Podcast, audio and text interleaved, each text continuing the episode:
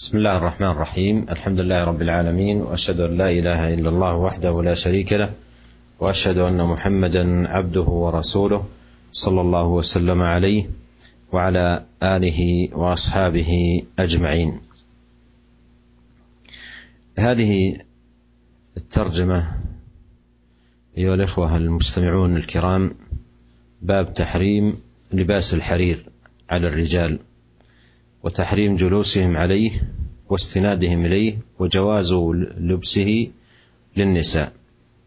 وهي من ضمن الأبواب التي ساقها رحمه الله في كتاب اللباس. وهذه الترجمة تتعلق بالحرير وأن لبسه على الرجال محرم بل من كبائر الذنوب لأنه كما سيأتي معنا في الوعيد لمن لبسه بقوله عليه الصلاة والسلام لم يلبسه في الآخرة وقوله لا خلاق له. ومثل هذا لا يقال إلا فيما كان من كبائر الذنوب. ولهذا لا يحل للرجال أن يلبسوا الحرير ولا أيضا أن يجلسوا على الحرير أو يتكئوا عليه. وإنما هو حل للنساء دون الرجال. أورد رحمه الله تعالى جملة من الأحاديث بدأها بحديث عمر بن الخطاب رضي الله عنه قال قال رسول الله صلى الله عليه وسلم لا تلبسوا الحرير فإن من لبسه في الدنيا لم يلبسه في الآخرة. قال وعنه قال سمعت رسول الله صلى الله عليه وسلم يقول إنما يلبس الحرير من لا خلاق له متفق عليه. وفي رواية البخاري من لا خلاق له في الآخرة. قوله من لا خلاق له أي لا نصيب له. هذا الحديث حديث عمر فيه النهي عن لبس الحرير وفيه الوعيد على من لبسه في الدنيا أنه لا يلبسه في الآخرة. وفي الرواية الأخرى أنه لا خلاق له في الآخرة أي لا نصيب ولا ولا يكون مثل هذا الوعيد إلا لما كان من كبائر الذنوب. فهذا يدل على أن لبس الحرير آه، من الكبائر. بسم الله الرحمن الرحيم. Segala puji bagi Allah Tuhan semesta alam. Saya bersaksi bahwasanya tidak ada yang berhak disembah kecuali Tiada sekutu baginya dan bahwasanya Nabi Muhammad adalah hamba dan utusannya. Semoga Allah melimpahkan salawat dan salamnya kepada beliau, keluarga beliau dan para sahabat beliau semuanya. Para pendengar sekalian, judul bab kita kali ini adalah uh, bab diharamkannya memakai sutra atas kaum pria. Diharamkannya duduk di atas sutra, bersandar kepada sutra dan bolehnya memakai sutra untuk kaum wanita. Bab ini disebutkan oleh Imam Nawawi rahimahullah taala dalam rangkaian Kitabul Libas yaitu e, pembahasan tentang pakaian. Dan bab ini menjelaskan kepada kita tentang haramnya memakai sutra atas kaum pria. Bahkan memakai, memakai sutra bagi kaum pria adalah termasuk dosa besar karena nanti kita akan bahas adanya ancaman dari Allah Subhanahu wa taala untuk para pemakai sutra di dunia. Di antaranya disebutkan bahwasanya mereka tidak akan memakainya di akhirat. Kemudian disebutkan juga barang siapa yang memakainya di dunia maka mereka tidak akan mendapatkan bagian dari kenikmatan kenikmatan akhirat. Dan perkataan seperti ini tidaklah diucapkan kecuali untuk dosa-dosa yang termasuk dosa besar. Dan ini menunjukkan bahwasanya memakai sutra bagi kaum pria termasuk dosa yang besar. Karenanya tidak pantas bagi seorang pria muslim untuk memakai sutra atau duduk di atas kain sutra. Dan hal ini dihalalkan bagi kaum wanita. Imam Nawawi rahimahullah taala memulai bab ini ya, memulai bab ini dengan menyebutkan hadis yang diriwayatkan oleh Umar bin Khattab radhiyallahu anhu beliau berkata Rasulullah Shallallahu alaihi wasallam bersabda Janganlah kalian memakai sutra karena sesungguhnya barang siapa yang memakainya di dunia, dia tidak akan memakainya di akhirat. Muttafaq alaih, riwayat Al-Bukhari dan Muslim. Dalam riwayat yang lain, beliau mengatakan, saya mendengar Rasulullah Shallallahu Alaihi Wasallam bersabda, sesungguhnya yang tidaklah memakai sutra kecuali orang-orang yang tidak mendapatkan bagian dari kenikmatan akhirat. Dalam riwayat yang lain, tidaklah memakai sutra kecuali orang-orang yang tidak memiliki bagian dari kenikmatan akhirat atau bagian dari akhirat.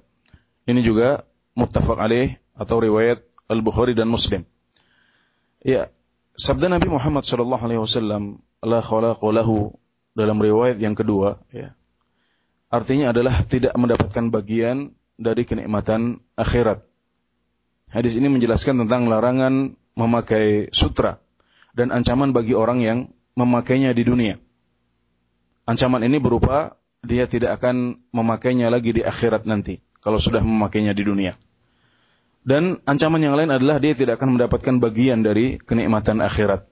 Dan hal ini tidaklah disebutkan kecuali untuk dosa-dosa yang besar sehingga bisa kita simpulkan bahwasanya memakai sutra adalah termasuk dosa besar yaitu bagi kaum bagi kaum pria. قال رحمه الله تعالى وعن انس رضي الله عنه قال قال رسول الله صلى الله عليه وسلم من لبس الحرير في الدنيا لم يلبسه في الاخره متفق عليه وهذا فيه من الوعيد مثل ما تقدم معنا في حديث عمر الذي أورده المصنف رحمه الله تعالى قبله. قال وعن علي رضي الله عنه قال رأيت رسول الله صلى الله عليه وسلم أخذ حريرا فجعله في يمينه وذهبا فجعله في شماله ثم قال إن هذين حرام على ذكور أمتي رواه أبو داود بإسناد صحيح. قال وعن أبي موسى الأشعري أن رسول الله صلى الله عليه وسلم قال حرم لباس الحرير والذهب على ذكور أمتي وأحل لإناثهم رواه الترمذي وقال حديث صحيح. وهذا الحديث حديث علي فيه أن النبي عليه الصلاة والسلام قد جعل في يمينه حريرا قطعة من الحرير وجعل في شماله ذهبا. وقال إن هذين أي الحرير والذهب حرام على ذكور أمتي. وفي الحديث الآخر أحل لإناثهم. أحل لإناثهم. وهذا هذه الطريقة أبلغ في التحريم واستحضار الأمر المحرم الذي يشاهد الناس محمولا بيده عليه الصلاة والسلام يريهم إياه حتى يبقى تعليما وتحذيرا من لبس الحرير بكلام يسمع وأمر يشهد ويرى. وهذا من كمال نصحه عليه الصلاة والسلام. هذا من كمال نصحه صلوات الله وسلامه عليه.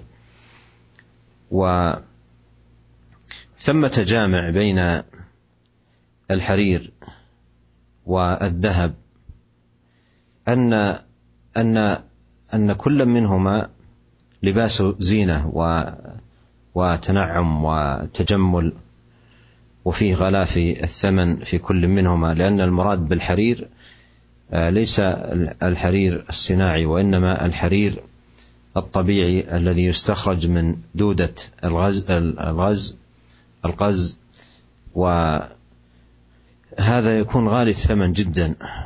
هذا يكون غالي الثمن جدا. والذهب معروف غلاء ثمنه. فوضع هذين في يده الحرير والذهب وبين حرمتهما على الرجال لأنها لباس آه، تنعم وتجمل وتزين وهو يليق بالمرأة. يليق بالمرأة وتنعمها وتجملها وتزينها ولا يليق بمقام الرجل فجاء الإسلام بتحريم ذلك والنهي منه والمنع منه وعده كبيرة من الكبائر كما سبق بيان ذلك.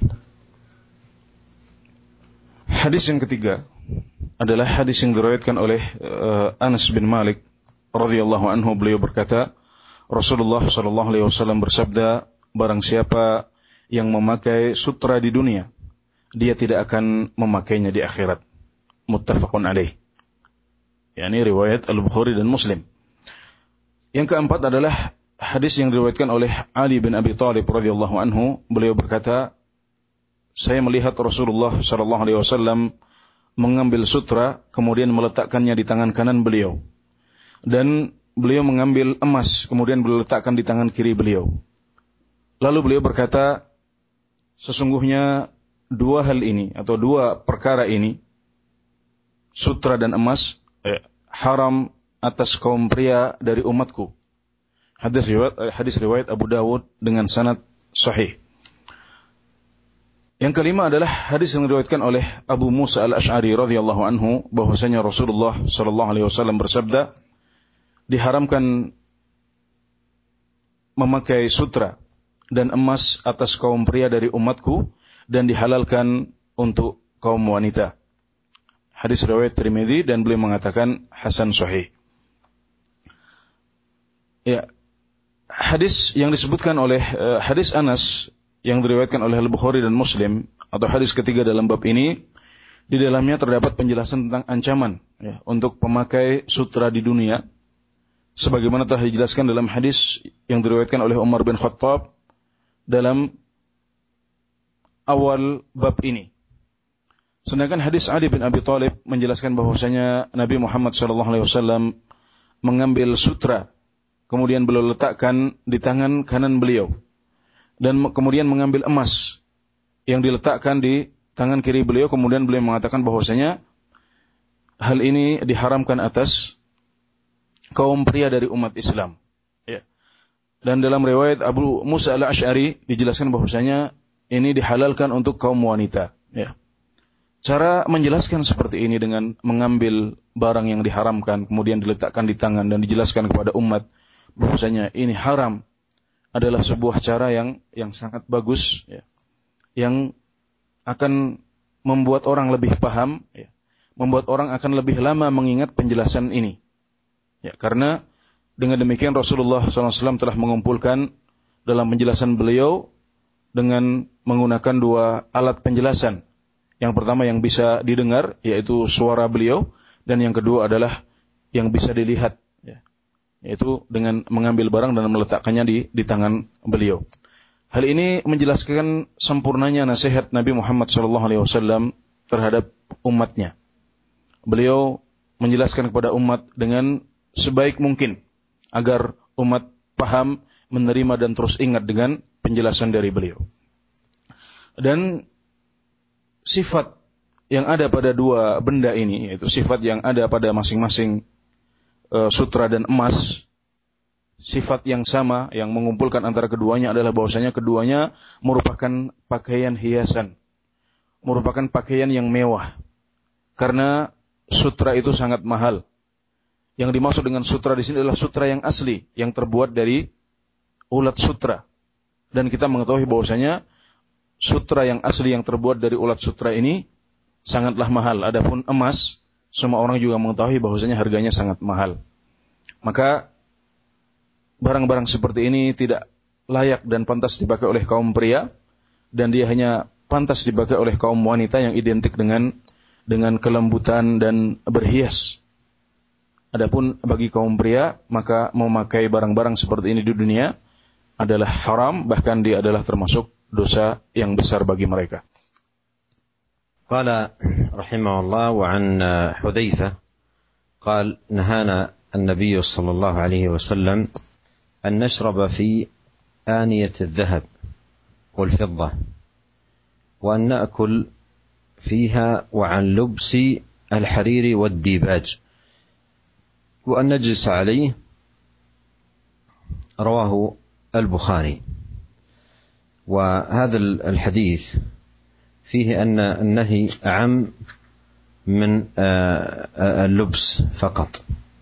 بل إنه يتناول اللبس ويتناول أيضا ما ترجم له المصنف وهو تحريم الجلوس عليه أو الاستناد و وكل ذلكم يتناوله الوعيد. فالنبي صلى الله عليه وسلم نهى أن يلبس الحرير ونهى أن يؤكل وأن وأن يجلس عليه أو يستند إليه أو أن يتكى عليه. وعرفنا أن هذا إنما هو خاص بالرجال دون دون النساء. وقوله عن لبس الحرير والديباج الديباج أخص من الحرير وهو مثله في النعومه وهو من الالبسه التي تليق بالنساء ولا تليق بالرجال Ya, hadis yang ke-6 dan hadis yang terakhir dalam bab ini adalah uh, sebuah hadis yang diriwayatkan oleh Hudzaifah radhiyallahu anhu.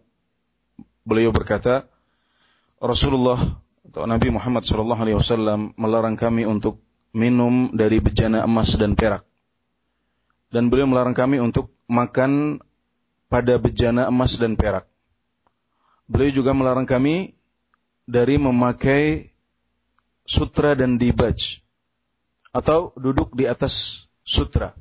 Hadis riwayat Al-Bukhari. Ya, hadis ini larangan di dalamnya lebih umum. Jadi yang dilarang bukan hanya memakai sutra. Tapi di samping memakai sutra, kita juga dilarang untuk duduk di atas sutra atau bersandar kepada sandaran yang didasari oleh sutra. Sebagaimana disebutkan dalam judul bab ini. Jadi memakai, duduk, bersandar itu semuanya dilarang jika menggunakan menggunakan sutra. Dan telah kita jelaskan di depan bahwasanya larangan ini khusus untuk kaum pria dan boleh untuk kaum wanita. Adapun dibaj yang disebutkan oleh Nabi Muhammad SAW dalam hadis beliau, dia lebih khusus dari sutra sejenis sutra yang khusus yang sama memiliki sifat lembut dan mahal yang layak untuk kaum wanita dan tidak boleh dipakai oleh kaum pria dari kalangan umat Islam. قال رحمه الله تعالى باب جواز لبس الحرير لمن به حكة. أي أن الحرير وقد تقدم تحريمه على الرجال أن يلبس أو أن يجلس عليه أو يتكى عليه إلا أنه يستثنى من ذلك آه، أنه يرخص للرجل أن يلبسه إذا كان به حكة. إذا كان به حكة وذلك لأن الحرير لين وناعم وبارد على آه، الجسم. فإذا كان به آه، بالإنسان حكة فإن آه، فإنها لا تشتد عليه. فإنها لا تشتد عليه بل تلين وتخف. بخلاف الألبسة الأخرى ربما بعضها يهيج من الحكة ويزيدها لما فيه مثلا من الحرارة أو لما فيه من آه، الخشونة. فربما يزيد الحكة ويهيجها ولهذا رخص للرجل أن يلبس الحرير وقت وجود هذه الحكة لكونه لينا وناعما ويناسب آه، من كان به حكة في إطفائها والتخفيف من آه، حدتها وشدتها. أورد حديث آه، أنس رضي الله عنه قال رخص رسول الله صلى الله عليه وسلم للزبير وعبد الرحمن بن عوف في لبس الحرير لحكة بهما آه، متفق عليه. حكة بهما متفق عليه. وعرفنا أن هذا الترخيص آه، إنما هو لمن آه، كان به حكة لأن لبس الحرير أفضل وأحسن لمن به حكة من غيره في إراحة من شدة الحكة و ازديادها في في بدنه والتهابها عليه. فالحرير بحكم أنه لين وناعم وبارد على الجسم فإنه فإنه يخففها ويطفئها بإذن الله سبحانه وتعالى ولهذا رخص له في لبسه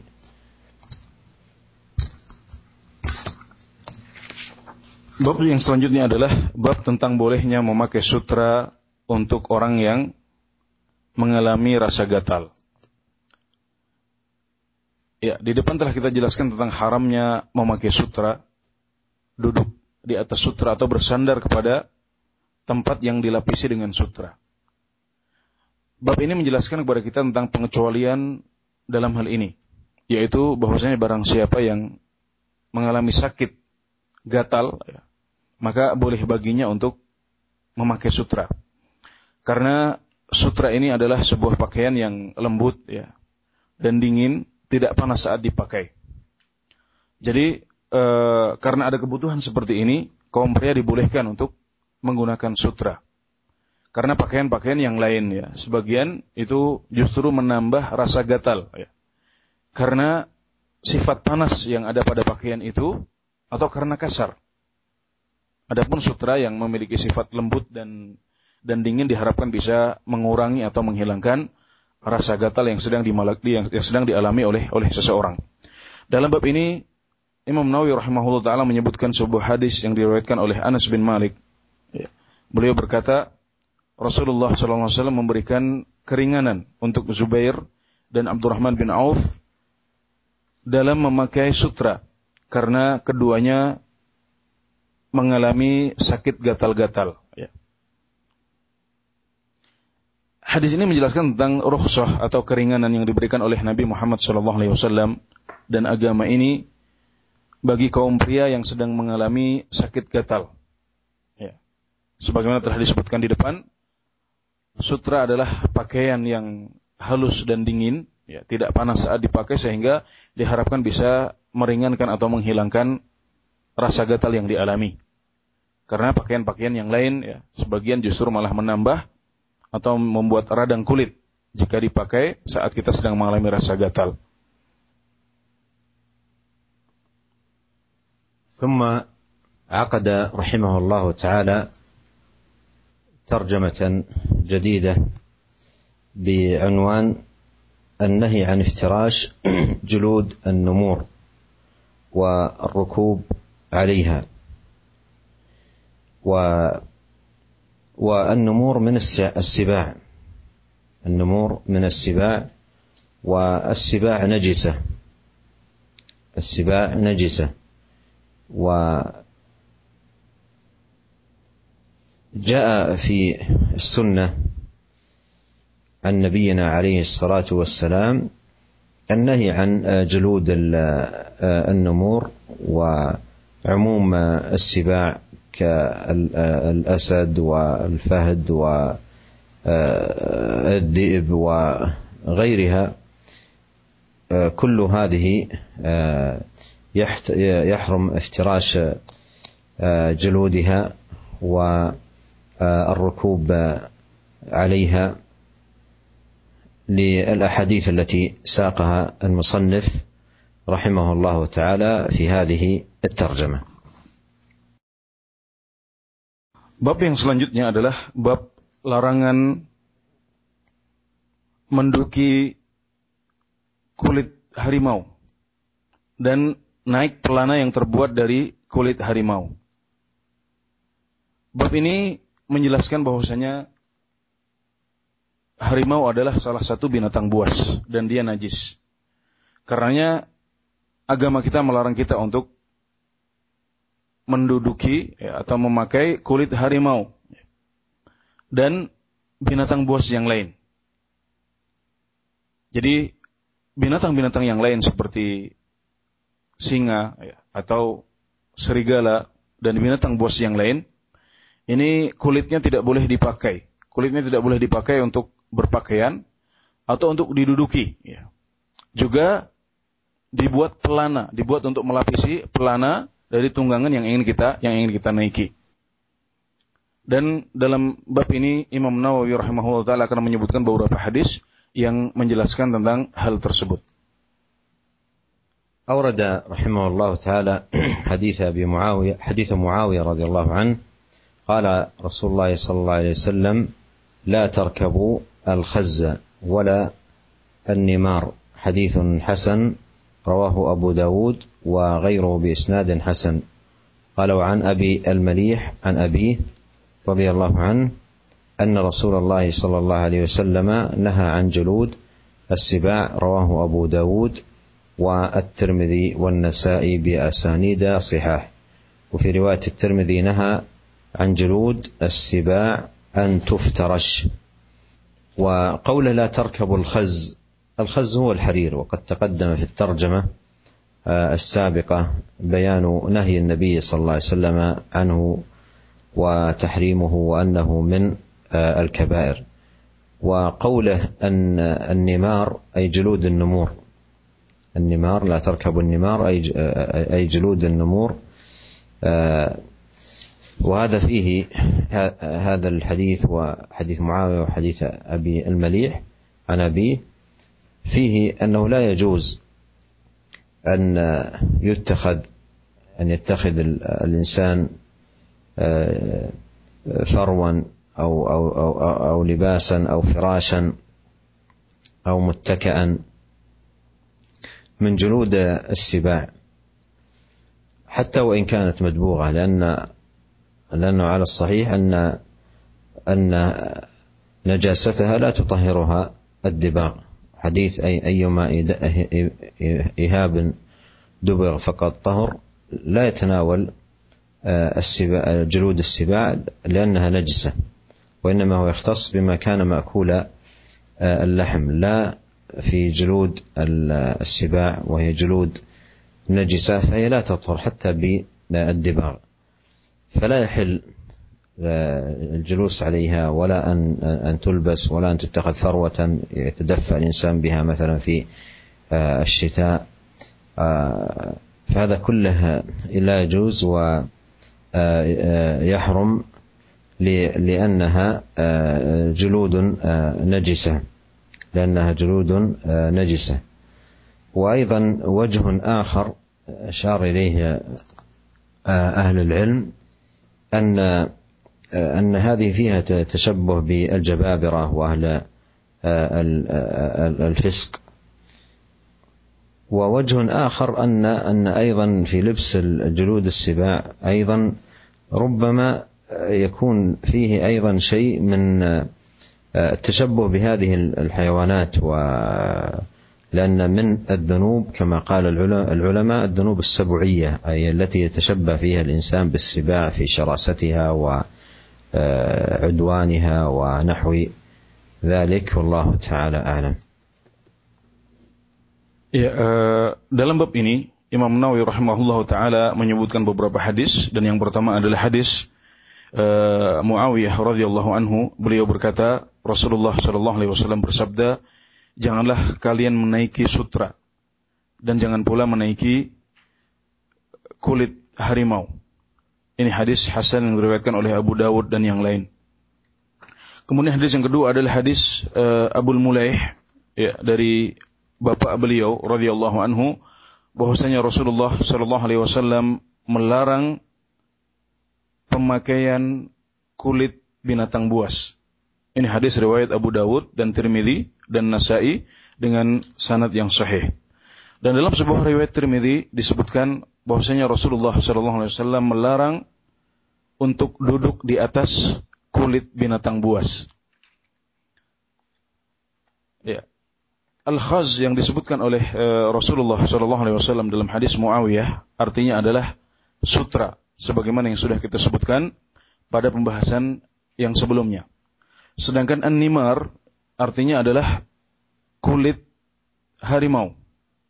Jadi hadis Muawiyah dan Abdul Mulaih ini menjelaskan bahwasanya uh, kulit binatang buas ya, ataupun sutra tidak boleh dipakai ya, untuk pakaian kita, ya, untuk jaket, untuk uh, kasur dan yang lain. Tidak boleh kita memakai barang-barang ini uh, baik untuk pakaian maupun untuk uh, kasur atau untuk kursi yang kita duduki. Meskipun barang-barang ini sudah disamak, ya. karena sabda Nabi Muhammad SAW, "Ayyuma ihabin dubi wa faqut tahur," yang artinya kulit apa pun yang telah disamak maka dia telah suci. Ini yang dimaksudkan adalah binatang-binatang yang bisa dimakan. Hadis ini khusus untuk binatang-binatang yang yang bisa dimakan yaitu binatang ternak. Adapun e, kulit binatang buas ya, dan kulit binatang buas seperti harimau dan yang lain, maka dia tetap najis saat kita pakai meskipun itu sudah disamak. Ya. Jadi e, illah atau alasan pengharaman pemakaian kulit harimau dan binatang buas yang lain ini adalah karena kulit tersebut najis. Dan para ulama menyebutkan beberapa alasan yang lain, di antaranya adalah karena pemakaian kulit harimau ini di dalamnya terdapat tasyabuh atau menyerupai orang-orang yang sombong dan fasik. Dan ada juga yang menyebutkan alasan yang lain yaitu bahwasanya memakai barang-barang seperti ini di dalamnya terdapat unsur tasyabuh atau menyerupai binatang-binatang buas. Karena para ulama menyebutkan di antara dosa yang dilakukan oleh umat manusia itu ada dosa yang dikategorikan sebagai adzunub as-sabu'iyah, yaitu eh, dosa-dosa binatang buas. Di mana dalam dosa-dosa ini manusia menyerupai binatang buas dalam keganasan dan uh, sifat menyerang kepada orang lain. ثم قال رحمه الله باب ما يقول إذا لبس ثوبا جديدا أو نعلا أو نحوه وأورد عن أبي سعيد الخدري رضي الله عنه قال كان رسول الله صلى الله عليه وسلم إذا استجد ثوبا سماه باسمه عمامة أو قميصا أو رداء يقول اللهم لك الحمد أنت كسوتني أسألك خيره وخير ما صنع له وأعوذ بك من شره وشر ما صنع له. هذا فيه أن من السنة أن تحمد الله عز وجل إذا أكرمك ومن عليك بلباس جديد ثوبا أو نعلا أو عمامة أو عمامة أو نحو ذلك أن تحمد الله عليه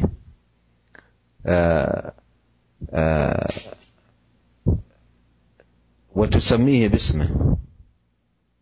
الحمد لله الذي اللهم لك الحمد أنت كسوتني هذا القميص أو هذه العمامة.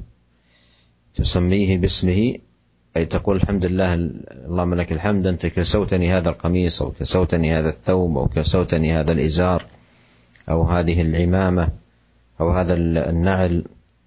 ثم تسأل الله عز وجل أن يعطيك من خيره وخير ما صنع له بأن يكون سترا لعورتك وزينة آه، لبدنك وتتجمل به في عبادتك لربك سبحانه وتعالى. خذوا زينتكم عند كل مسجد.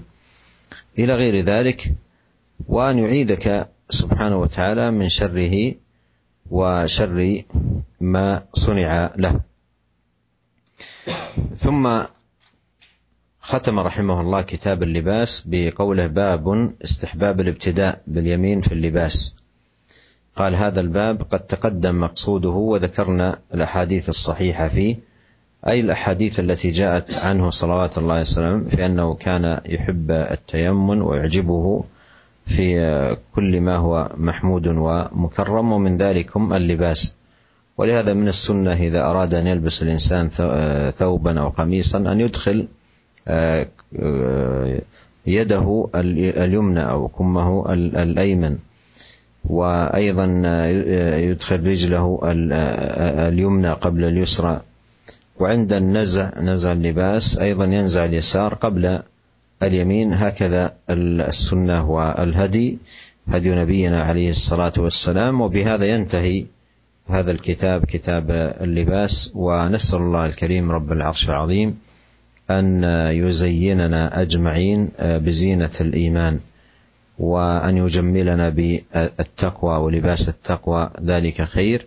وأن يوفقنا لاستعمال اللباس في طاعة الله سبحانه وتعالى وأن يجنبنا كل لباس حرمه الله ويسخطه ويغضب يغضبه جل في علاه وأن يصلح لنا شأننا كله إنه سميع قريب مجيب Ya, uh, bab yang selanjutnya adalah bab doa yang diucapkan saat memakai pakaian yang baru atau sendal yang baru dan sejenisnya.